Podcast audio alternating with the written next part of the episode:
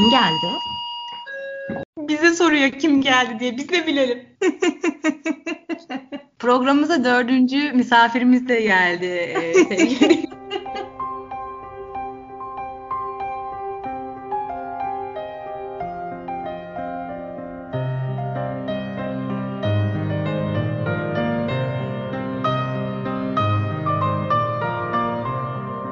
Herkese merhabalar. Pediatriden Geriatriye'nin yeni bölümüne hepiniz hoş geldiniz. Ee, bugün yine her zamanki gibi e, uzman klinik psikolog Dilara Savaş'la birlikteyiz ve e, yine bizim için çok değerli bir konuğumuz var. Sevgili psikolog Ceren Hazar. Ceren hoş geldin. Hoş buldum Beste. Ben de sizinle birlikte olmayı çok istiyordum biliyorsun ki ve şu an e, hem heyecanlıyım hem mutluyum. Ben de heyecanlıyım gerçekten.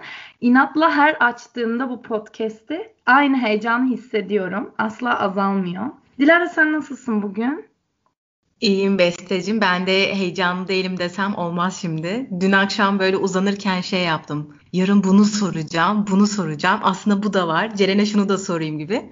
Hani şey olur ya e, bir doktorum der ve siz o anda bütün belirtilerinizi anlatmak durumunda hissedersiniz. Hani onu yaşadım böyle. Konu müthiş heyecanlı bir konu. E, bugün yeme bozuklukları, yeme davranışı gibi konuları ya daha doğrusu yemek konuşacağız. Ya benim için benim kafamda canlanan şey yemek konuşacağız.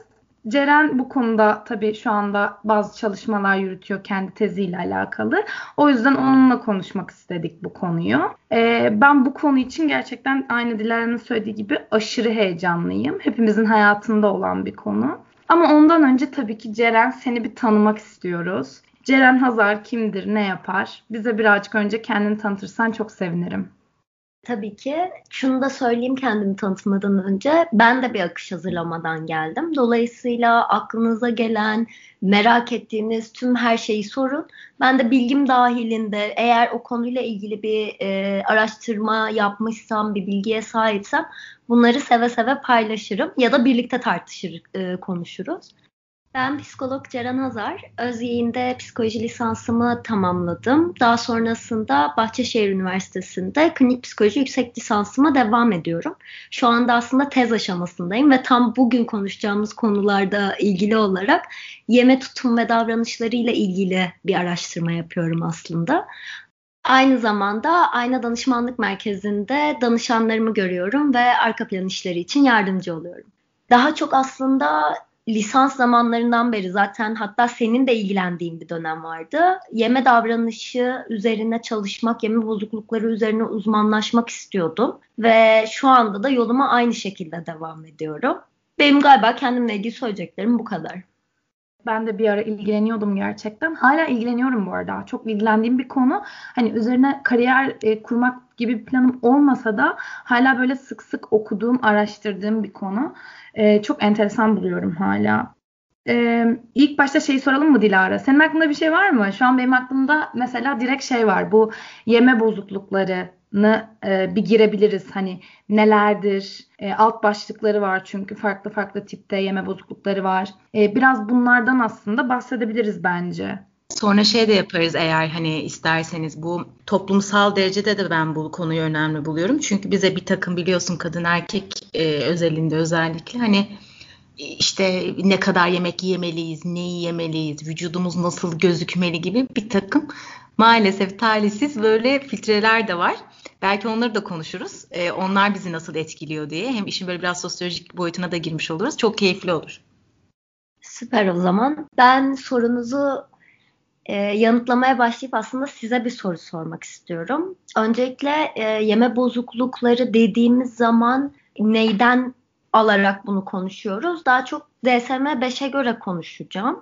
E, bu bizim e, tanı koymak için kullandığımız en azından değerlendirmelerimizi yaparken bize yol gösteren kitabımız. Orada da yeme bozuklukları ve beslenme bozuklukları olarak geçiyor. Yani sadece işin içerisinde yeme bozuklukları yok. Daha önce belki duyduğunuz, belki duymadığınız pika, kısıtlayıcı ve geviş getiren e, beslenme bozuklukları gibi farklı şeyler de var. Ama e, işin içine girdiğimiz zaman çok fazla dallanıp budaklandığı için yeme bozuklukları kısmında kalıp onun alt başlıklarını konuşalım istiyorum. Tam bu noktada da işte anoreksiya nervoza, bulimia nervoza ve tıkınırcasına yeme bozuklukları en bilinen, en çok üzerine araştırılma, araştırma yapılmış olan yeme bozukluklarımız olarak karşımıza çıkıyor. Yeme bozukluklarını tanımlamadan önce size şunu sormak istiyorum. Hep yeme dediğimiz için, yemek dediğimiz için direkt olarak ne yediğimizle bir ilgisi var e, mesajını alıyoruz. Sizce e, sağlıklı beslenen bir bireyin yeme bozukluğu geliştirme ihtimali veya sağlıksız beslenen bir bireyin yeme bozukluğu geliştirme ihtimali nedir? Şimdi benim aklıma direkt tabii ya belki biz psikolog olduğumuz için veya e, ben bu konuyla özel olarak ilgili olduğum için ortoreksiya geliyor. Dolayısıyla aslında yeme bozuklukları bence yemek ten bağımsız olarak çok farklı şeylerle de alakalı. Kontrol ile alakalı olabilir, kendini kısıtlamak, irade, e, daha böyle insani şeylerle de alakalı olduğunu düşünüyorum e, özelliklerle. E, o yüzden tabii ki bence bu noktada şey diye düşünebiliriz. Çok klasik bir laf vardır yani her şeyin aşırısı zararlıdır, her şeyin aşırısında bir sıkıntı vardır diye. Benim aklıma mesela oradan geliyor. Yani aslında sağlıklı beslenme konusunda da aşırıya kaçmak, belki e, ya da çok ciddi kısıtlamalar uygulamak belki e, yine problem yaratıyor olabilir diye düşünüyorum. Ben de Beste'ye katılıyorum. Hep böyle olur yani. Biri anlatır anlatır diye katılıyorum. Artık şey e, kesinlikle e, sağlıklı beslenme dediğimiz o healthy diet kısmı oluşuyorsa da bir kişinin ben de şeye inanıyorum yani sonrasında düşüncelerine belki bağlı olarak bu fonksiyonunun ne diyeyim deformasyona uğrayabileceğini düşünüyorum ben de evet. Süper. Şöyle bir algı olabiliyor aslında. Sağlıklı beslenen kişide yeme bozukluğu olmaz, sağlıksız beslenen kişide yeme bozukluğu olabilir gibi e, duyabiliyoruz ama işte aşırı kısmı çok önemli burada. Ortoreksiya nervosa henüz aslında hangi tanı grubuna gireceği karar verilmemiş bir bozukluk diyeyim şu an. Çünkü e, evet sağlıklı beslenme takıntısı olarak geçiyor ama işte bunu e, obsesif e, kompulsif bozuklukların altına mı alacakları, beden dismorfi kısmına mı alacakları, yeme bozukluklarına mı alacakları konusunda daha henüz bir şeye varılmadı. Kaygı bozukluklarına da alınabilir diye bakılıyor. Ama aslında sağlıklı beslenen dediğimiz e, kısmın yeme bozukluklarında daha çok karşımıza çıkabileceğini görüyoruz sağlıksız besleniyor diye e, adlandırabileceğimiz kişiler aslında yeme bozuklukları konusunda spektrum olarak baktığımızda daha uzak olan kişiler olabiliyor. Çünkü yeme bozuklukları tam da sizin dediğiniz noktadan yemekten daha çok psikolojik olarak bizim yaşadığımız farklı süreçlerle çok daha fazla ilişkili ve işte kontrol, kısıtlama ve gibi konular da çok ön plana çıkıyor olsa da aslında e, yeme bozukluklarının en ortak noktası kilo ve beden şekline verilen, e, yüklenen aşırı anlam kısmından geliyor. Dolayısıyla e, ne yediğini, yediği şeylerin beden şeklini nasıl etkileyeceğini düşünmeden, buna fazlasıyla bir zihin meşguliyeti yüklemeden beslenebilen, yemek yiyebilen kişiler aslında yeme bozukluğu spektrumunda en uçta e, yeme bozukluğu spektrumuna neredeyse girmeyecek e, kısımda olan kişiler oluyor. Ya benim aklıma mesela sen kategorileri sayarken şey de geldi Ceren. Bilmiyorum bunun böyle bir bilimsel bir dayanığı var mı? Ama ben mesela hep yeme bozukluğunu bağımlılıkla da eşleştirmişimdir kafamda.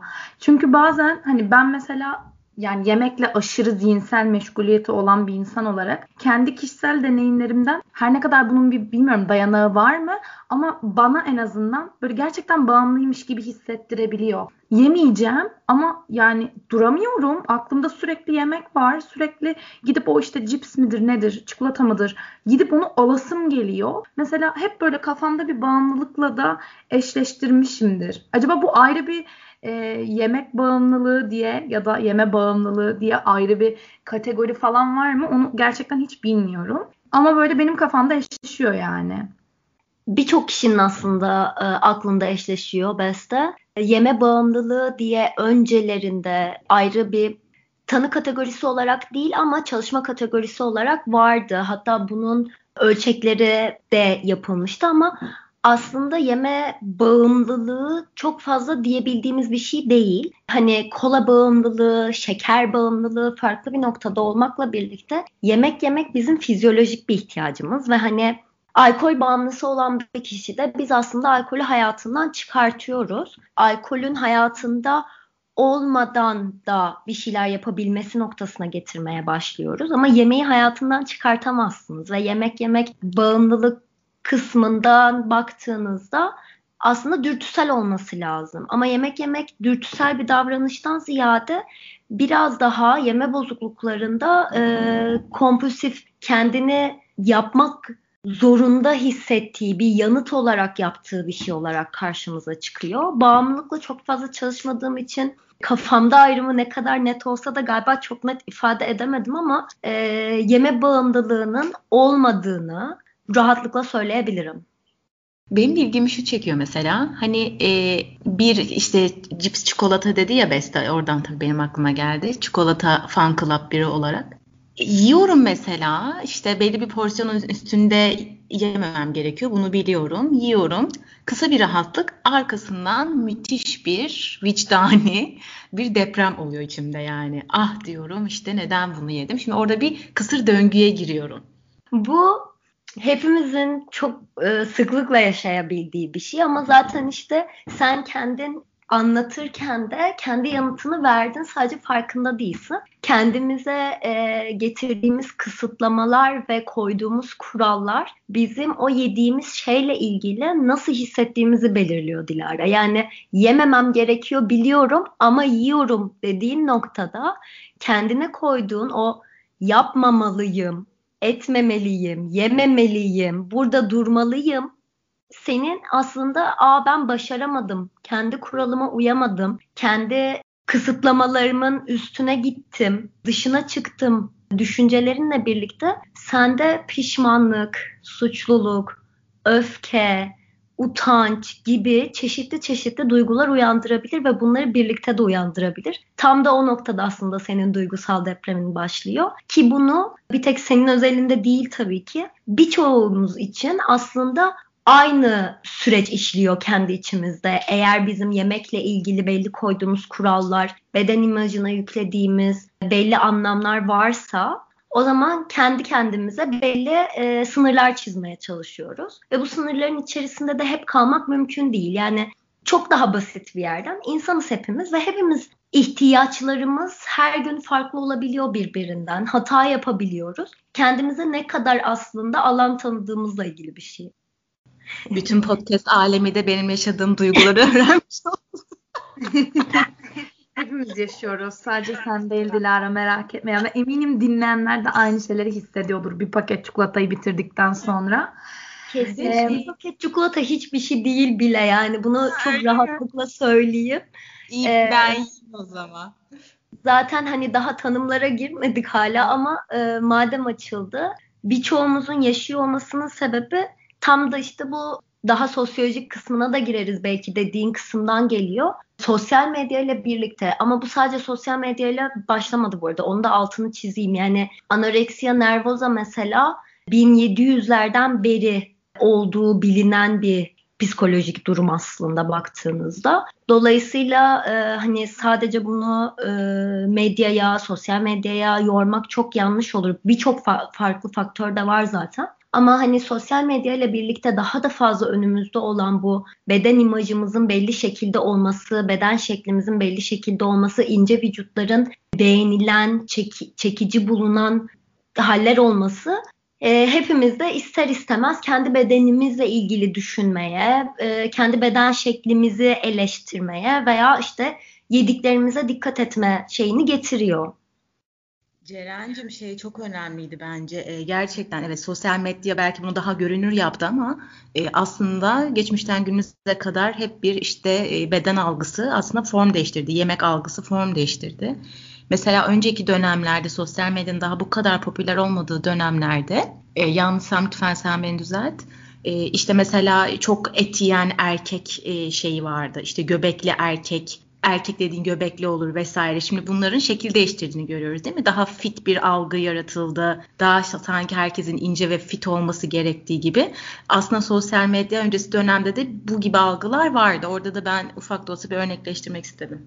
Kesinlikle öyle. Yani hatta e, yine sosyal medya öncesi döneme baktığımızda sonuçta yine yakın tarihe baktığımızda medyada var. E, ama Marilyn Monroe'nun olduğu dönemlerde mesela biraz daha e, balık etli diyebileceğimiz şu anda. Halbuki e, gayet normal sınırlar içerisinde olan ve kavisli vücutlar daha ön plandaydı.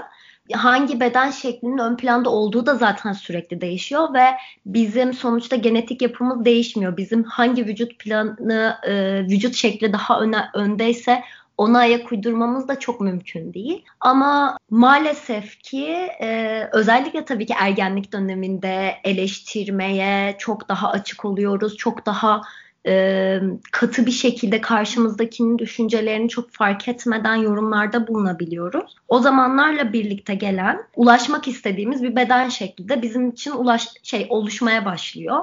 Aslında buradaki mesajımız daha çok keşke bunlar hiç olmasa ama biraz daha beden olumlama kısmından her bedenin güzel olduğu, her bedenin çekici olduğu ve bedenlerin amacının bizi dışarıdan görünüşümüzle bir şeyleri kanıtlatmaktan ziyade organlarımızı korumak, bizim e, yürüyebilmemizi sağlamak, e, yazı yazabilmemizi, araştırma yapabilmemizi sağlamak, okuyabilmemiz, görebilmemiz olduğunda unutmamak gerekiyor.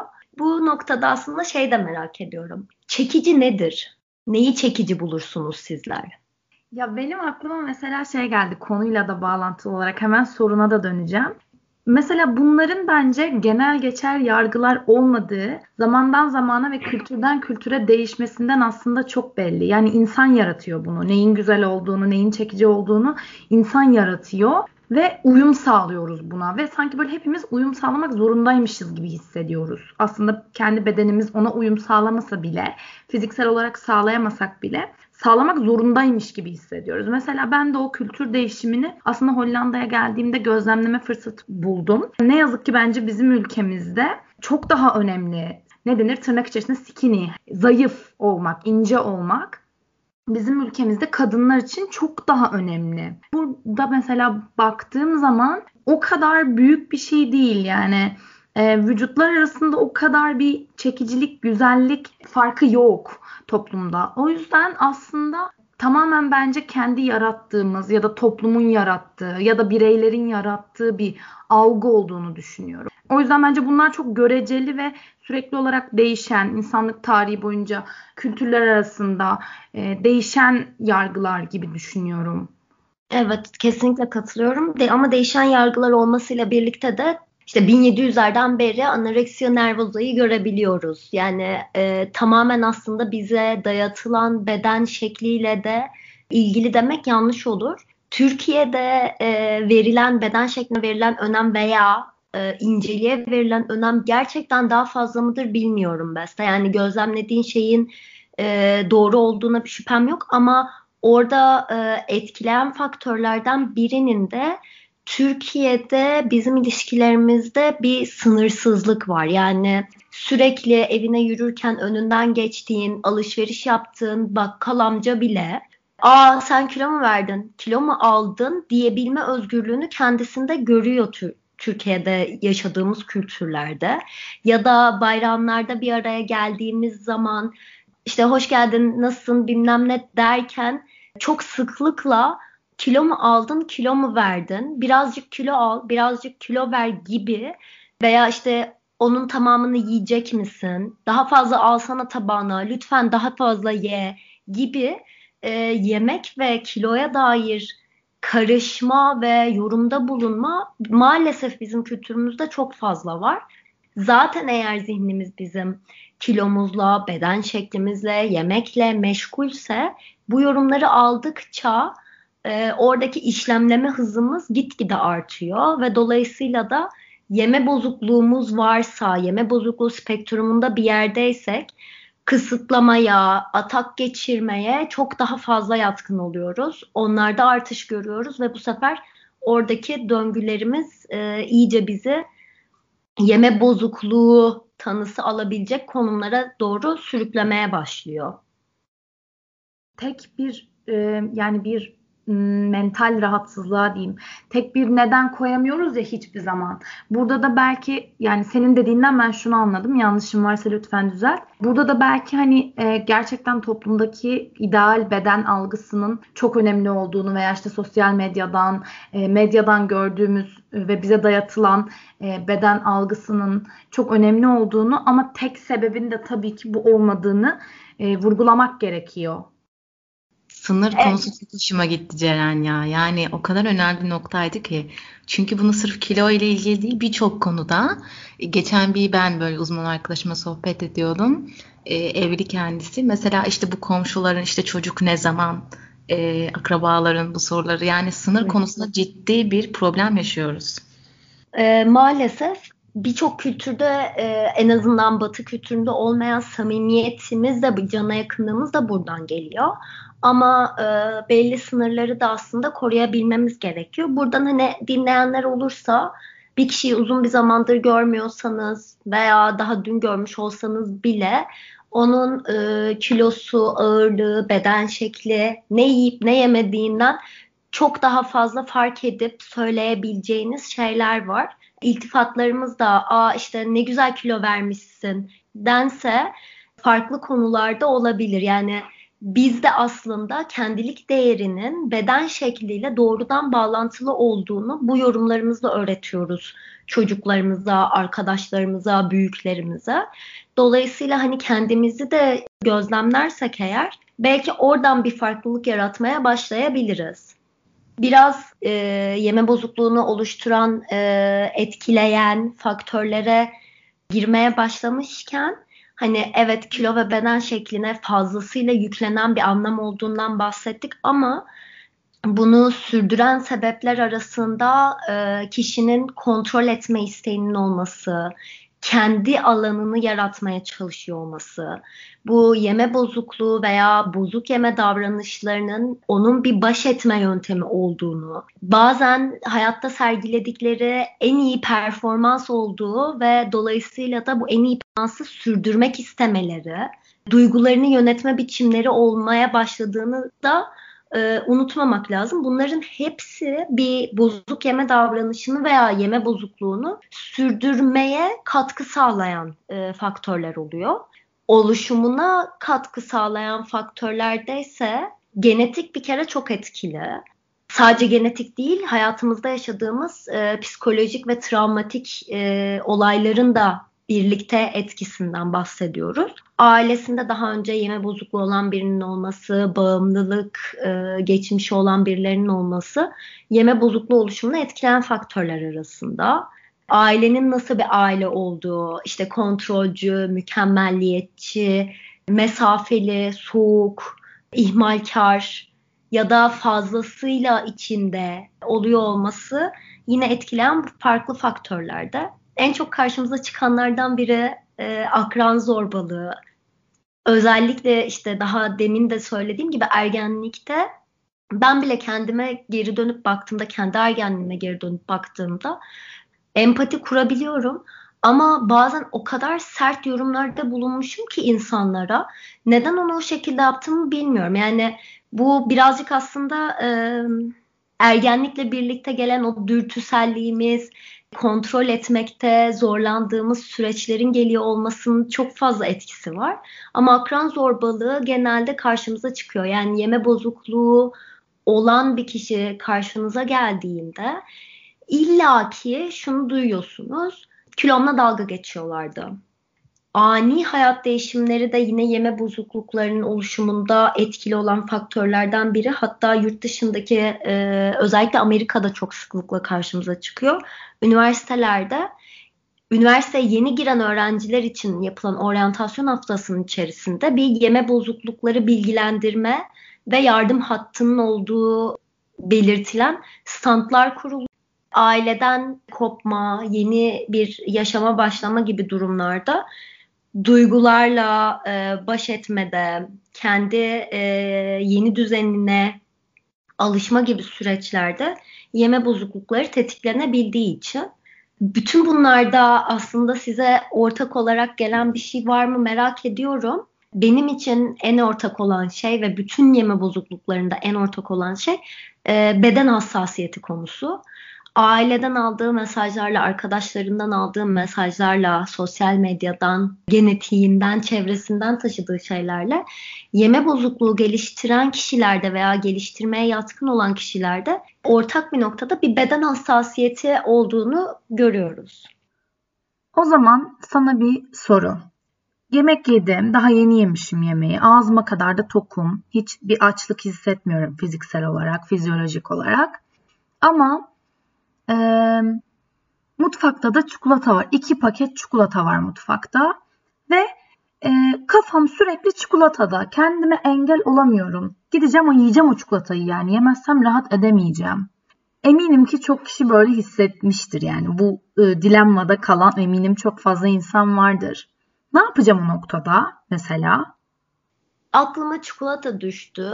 E, fiziksel olarak aç değilim kendimize bu arada bunu sormak çok önemli gerçekten. Yani ben fizyolojik olarak aç mıyım yoksa e, duygusal bir yerimden mi yemek istiyorum kısmına bakmak çok önemli. Duygularımı yönetmek için mi yemek istiyorum? Duygularımı yönetmemde gerçekten yardımcı olacak mı çikolata yemem kısımlarını sorguladıktan sonra duygularınızı yönetmek için yediğinizin bilincindeyseniz de kesinlikle hiç yemeyin demiyorum. Ama duygularımı da yönetmek için yemiyor olabilirim. Sadece canım çekmiş olabilir. O noktada onun aklımdan çıkmasını isteten şey ne beni, rahatsız eden şey ne? Benim neden canım çikolata çekemesin? Ben niye kendimi burada frenlemeliyim kısmını kendinize biraz sorduğunuz zaman bence e, orada kendinizle ilgili bir şeyler bulacaksınız ve kendi yemekle ilgili düşünceleriniz, oluşturduğunuz inançlar da biraz daha sizin için belirgin bir hale geliyor olacak. Hepimiz şunu yapabiliriz. Eve geldim, moralim bozuk, canım bir şeylere sıkıldı, şey yapmak istemedim ve cips yedim bu benim illa bozuk yeme davranışım olduğunu ya da duygu durumumu e, yönetmek için e, yemek yediğimi, bunun benim bir başa çıkma yöntemim olduğu anlamına gelmiyor. Ne zaman geliyor? Ben bunu haftada 2-3 kez ya da her canım sıkıldığında, her kendimi kötü hissettiğimde kendi duygu durumumu yönetebilmek için kullandığım bir yöntemse o zaman e, orada aslında benim işime yaramayan bir baş etme yöntemi geliştirmişim ve kendi kendime zarar veriyorum anlamına geliyor. Ama diğer taraftan baktığımızda hepimiz işte mesela pandemiden düşünün. Arada canımız sıkılıp buzdolabının etrafında sanki içinden yeni bir şey çıkacakmışçasına dönüp durmadık mı? Durduk ve bu illaki bir bozuk yeme davranışı demek değil. Zaten yeme bozuklukları tanımına bağlayayım hemen. Yeme bozuklukları kiloya ve beden beden şekline yüklenen fazla anlam ve aynı zamanda yemeğin zihnimizi aşırı meşgul etmesi. Yemek zihnimizi aşırı meşgul etmiyorsa biz canımız bir şey istediğinde zaten buzdolabını açıp oradan almak istediğimiz şeyi alıp yiyebiliriz. Ya da e, akşam salata yemeliyim dense bu akşam canım sebze yemek istiyor. Dengeli ve e, dengeli beslenmeye dikkat ediyor olabilirim.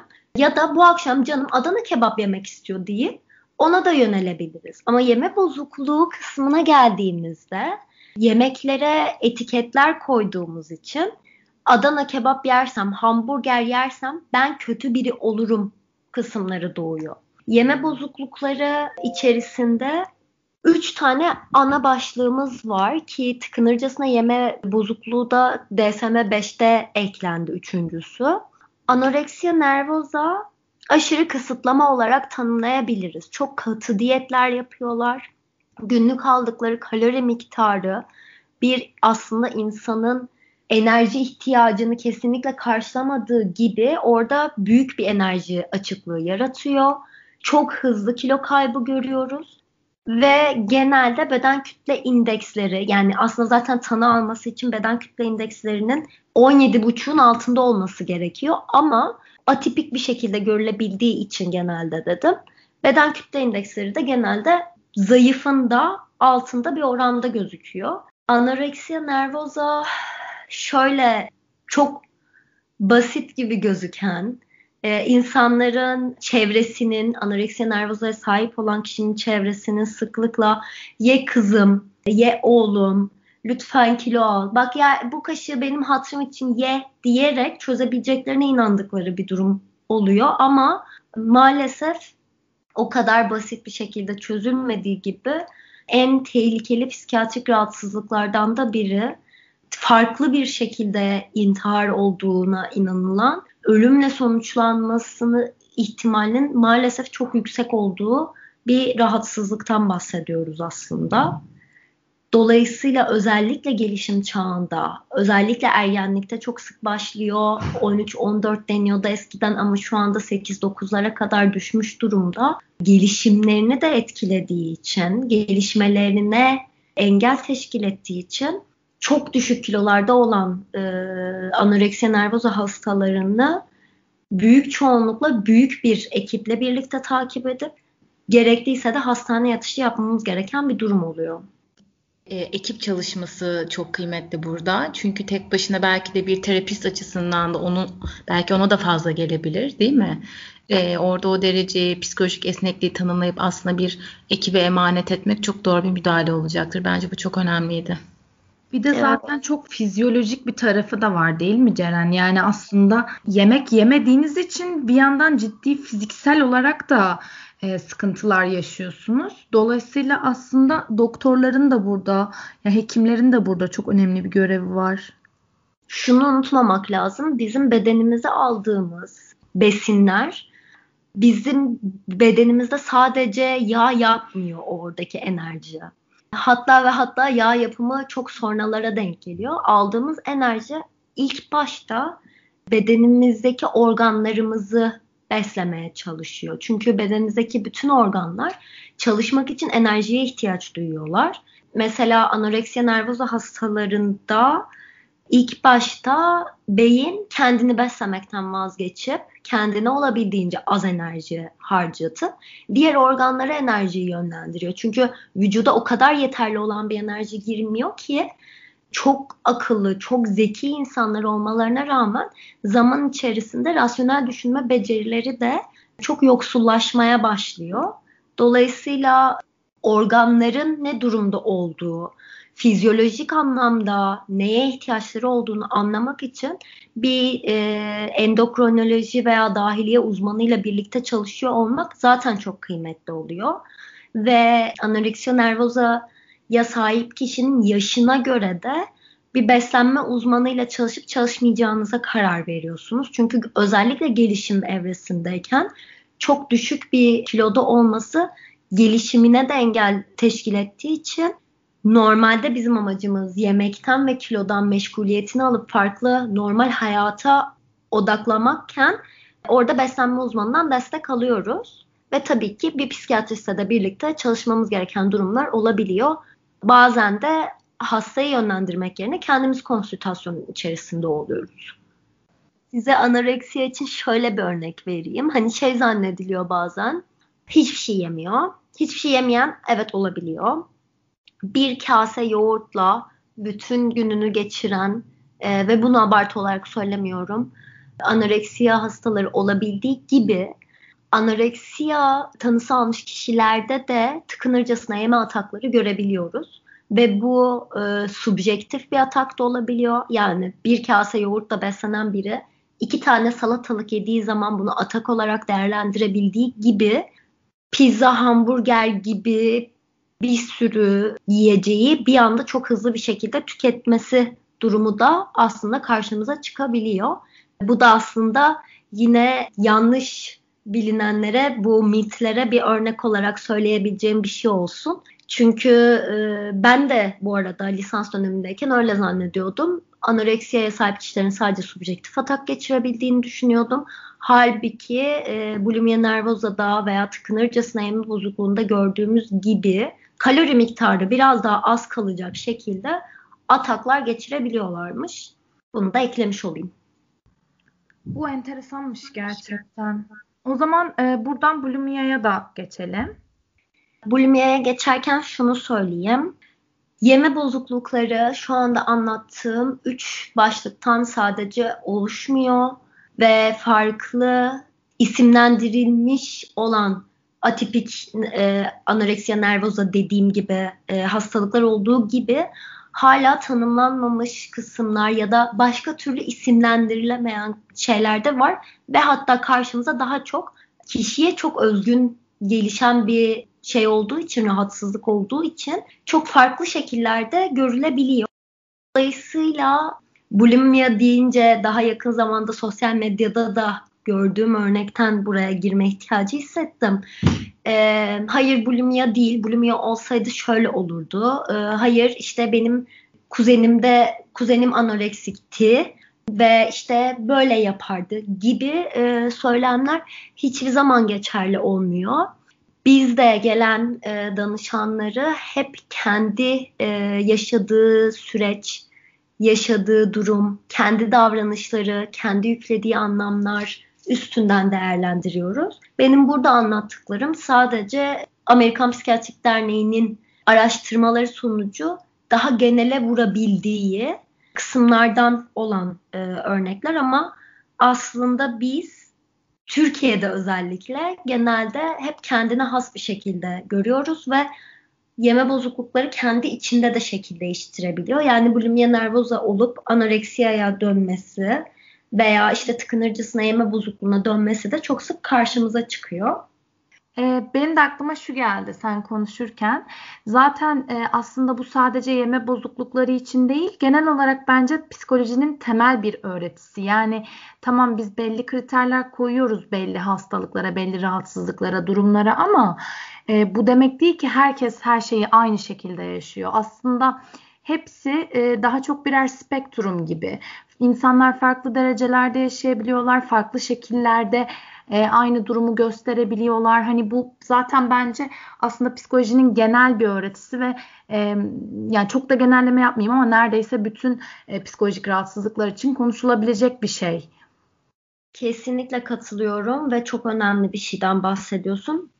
Bence genelleme yapmayayım de gerek yok. Bütün hepsi için geçerli olur tanı koyduğumuz noktada daha birbirlerine benzer olabilirler ki tanı koyma kısmında zaten soru işaretliyim ama birebir aynı davranışları gösteren iki kişi bile olsa ve işte ikisi de anoreksiya nervozaya sahip olsa ben yine kendi konumdan gideyim.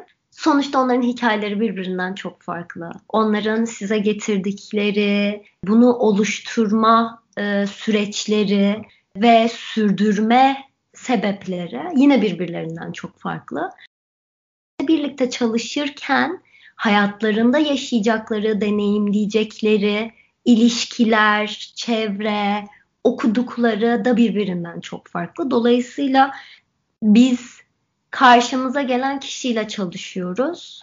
Tanılarla veya işte e, semptomlarla çalışmıyoruz. Her zaman ve her zaman önceliğimizin o kişi olduğu, tanının, semptomun bize sadece bilgi olarak kaynak olduğunu unutmuyor olmamız gerekiyor. Çok kıymetli bir yere parmak bastım. Ben yeme bozukluklarına tamamen odaklandığım için o kısımdan söyledim. Ama bence de bütün psikiyatrik rahatsızlıklar için geçerli bir şeyden bahsediyoruz. Bulimia'ya geçiyorum o zaman. Söz sende Ben Dilara'yı bekledim.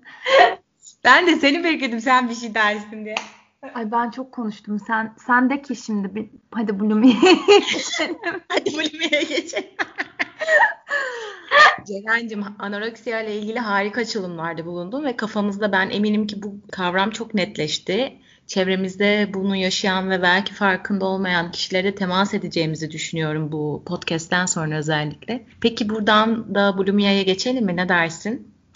Geçelim. Hatta biraz daha özet kısımlarından kalıp tıkınırcasına yeme bozukluğuyla da birlikte anlatayım. tıkınırcasına yeme ne demek? Yeme atığı geçirmek ne demek? Önce bir onu netleştirelim. Bir kişinin çok kısa bir zaman dilimi içerisinde 20, 30 dakika, 40 dakika gibi bir zamanda özellikle bulimia ve tıkınırcasına yemede gördüğümüz kalori miktarları 3000-6000 kalori arasında değişebiliyor. Bu kadar kısa bir sürede bu kadar çok kaloriyi, enerjiyi vücuduna alması aslında bu şu anlama geliyor. Canı acıyana kadar yemek ve canı acıyor olmasına rağmen devam etmek. Bu resmi kitap tanımı. Ama öbür taraftan tıkınırcasına yeme ve yeme atakları bizim karşımıza şu şekilde de çıkabiliyor. Oturuyorum, kalktım, işte bir tane dondurma aldım. Dondurmayı yedim. 5 dakika sonra gittim, bir paket cips yedim. 15 dakika sonra kalktım, bir paket çikolatayı bitirdim. 10 dakika sonra bir büyük boy pizzayı yedim şeklinde de yani illa nefes almadan yemek değil, çok hızlı bir şekilde yemek değil de küçük eslerle çok fazla miktarı yemek olarak da karşımıza çıkabiliyor. Genelde tıkınırcasına yeme bozukluğunda da bulimia nervosa'da da karşımıza duygularını yönetmekte zorlandıkları veya artık hani işte yaptıkları katı diyet sonucunda aşırı meşguliyetle birlikte kontrolü daha fazla tutamayıp öbür tarafa kontrolsüzlüğe sığındıkları alanlarda karşımıza çıkıyor. Tıkınırcasına yeme bozukluğunda sadece ve sadece yeme atakları görüyoruz. Bulimia nervosa'da bu yeme ataklarına ithafen sonrasında hissettikleri o suçluluk, utanç, pişmanlık gibi duygularla kalamadıkları için bir telafi edici davranışta bulunuyorlar. Bu telafi edici davranış en sıklıkla bilineni kusma. Ama sadece kusma yok aslında. Laksatif diüretik kullanımı, aşırı egzersiz yapmak gibi farklı farklı telafi etme yöntemleri de olabiliyor. Ve belli bir yerden sonra bulimia nervosa'da bu yeme atakları zaten kusmak için yemeye dönmeye başlıyor. Kusmanın mesela bağımlılık yapıcı bir etkisi e, bulimia nervosa hastaları üstünde görebiliyoruz. Kısacık bir özetle aslında bulimia nervosa ve tıkınırcasına yeme bozukluğunu da anlatmış oldum. Peki şey ek, hani sen bu konuyu çok önemsiyorsun biliyorum. O yüzden de tekrar sormak istiyorum. Hani yine konuşma arasında da bahsettin ama e, eklemek istediğin mitler var mı? Çünkü ben başında da söyledim hani bu konular artık e, bu kelimeler hayatımıza bir şekilde girdi yani günlük dilimize girdi mesela anoreksiya kelimesi. O yüzden böyle mitlerin oluşumu da kaçınılmaz oldu bence ya da yanlış anlaşılmaların oluşumu da kaçınılmaz oldu. O yüzden e, eklemek istediğin hani şu şöyle anlaşılıyor ama aslında öyle değil diye düzeltebileceğin şeyler varsa onlar da çok kıymetli olur. Vestacığım maalesef o kadar çok oldular ki şu an gerçekten hangisinden başlayacağımı bilemedim ama daha genel bir şey söylemek istiyorum.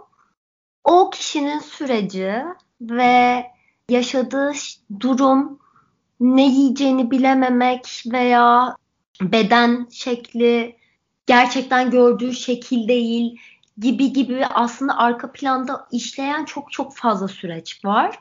Mesela şu an dediğimden bile yanlış anlaşılabilecek olarak her yeme bozukluğu olan kişide veya her anoreksiya nervoz olan kişide beden algısı bozukluğu görmüyoruz. Bu psikoloji camiasında bile yanlış bilinen bir bilgi. Anoreksiya nervoza olan kişiler aynaya baktıklarında gerçekten kendilerinin ne kadar zayıf olduğunu görürler.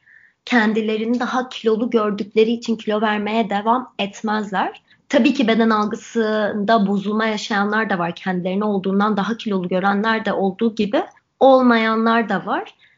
Kişiye destek olmak istiyorsanız ona e, şöyle yaparsan iyi gelir, böyle yaparsan iyi gelir demek yerine onun yanında olun, onun sürecine eşlik edin, ona ihtiyaçlarını sorun, duygularını sorun ve sizin nasıl destek olabileceğinizi ona sorun. Kendi bildiğiniz yöntemlerle yaklaşmak yerine. Çünkü şunu yapın, bunu yapın dediğimde ben bile yanılabilirim. Herkesin süreci kendine çok özgün ve tek ihtiyacı olan aslında sizin onun ne yediğinden, kaç kiloda olduğundan, nasıl bir beden şekline sahip olduğundan bağımsız olarak onun yanında ve e, onu destekleyen bir konumda olduğunu bilmesi. Bence bununla kapanışı yaparız. Çünkü çok güzel bir e, yani noktaya değindin. Gerçekten her yine e, her ben her şeyi genellemem peki. Yani her psikolojik durumda gerçekten o sosyal destek, çevredeki yakınların destek olması zaten çok önemli bir noktada. Özellikle de belki yeme bozukluklarında hani çevresindeki insanlar fiziksel de bir durum işin içine girdiği için belki biraz daha hani ısrarcı olabiliyorlar. İşte ye, yememek sana kötü, şöyle böyle gibi e, cümleler kurabiliyorlar.